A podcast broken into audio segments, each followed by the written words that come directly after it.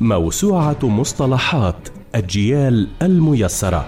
برنامج يتناول مجموعة من المصطلحات التي تأخذ حيزا كبيرا في حياتنا اليومية الاجتماعية السياسية الاقتصادية والثقافية. في كل حلقة نتناول مصطلحا لا بد وأنه مر على مسامعنا.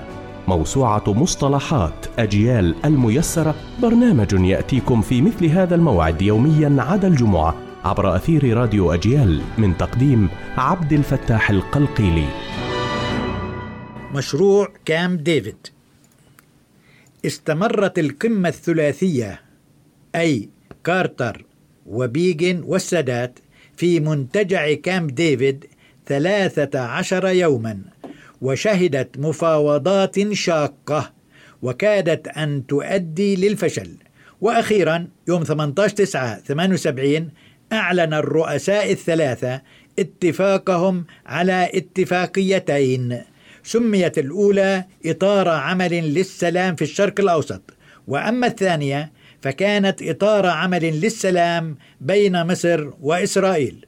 وقد وقع الوثيقتين كل من السادات وبيجن كطرفين وكارتر كشاهد.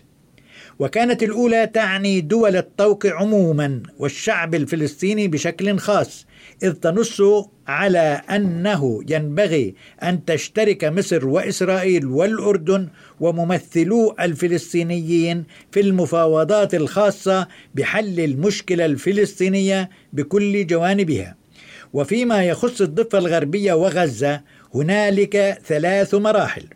في المرحلة الأولى تتفق مصر والأردن وإسرائيل على كيفية نقل سلمي ومنظم للسلطة في مناطق الضفة الغربية وغزة مع أخذ الاهتمامات الأمنية لكل الأطراف بعين الاعتبار.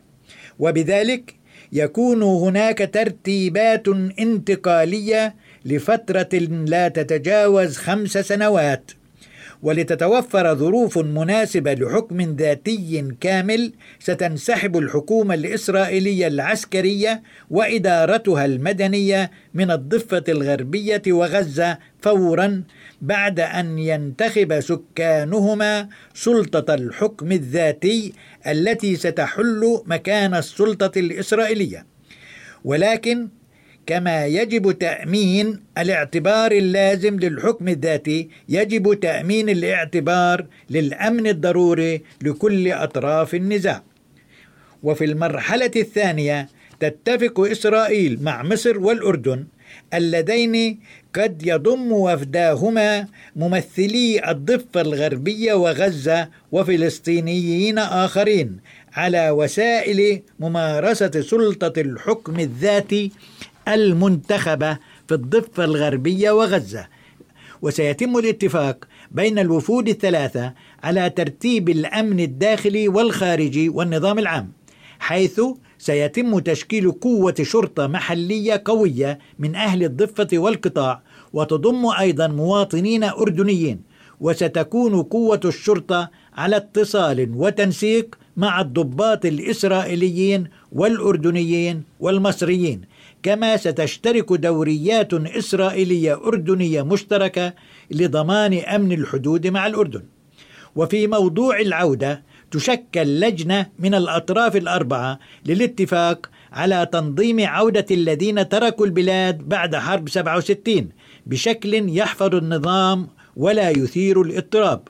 وتدرس هذه اللجنة اوضاع اللاجئين ولها أن تتخذ الإجراءات العادلة والدائمة لحل مشكلتهم وإنصافهم. ومع إنجاز ذلك يجب أن يكتمل التطبيع بين جميع الأطراف وإنهاء كل حالات التوتر والمقاطعة بأشكالها المختلفة وكذلك التحريض التربوي والأدبي والفني. أما الفترة الثالثة أي الفترة الانتقالية ذات السنوات الخمس فسيجري فيها المفاوضات بين الأطراف الأربعة إسرائيل والأردن ومصر وممثلي الضفة وغزة وذلك لتحديد الوضع النهائي للضفة الغربية وغزة وعلاقتهما مع جيرانهما كما سيشترك الوفد الأردني وممثلو الفلسطينيين في التفاوض مع إسرائيل حول اتفاقية سلام جديدة بين الأردن وإسرائيل. ومن حيث المبدأ سيلتزم أي اتفاق بقرار مجلس الأمن 242 وبالحقوق المشروعة للشعب الفلسطيني ومطالبه العادلة وبالأمن العادل لإسرائيل.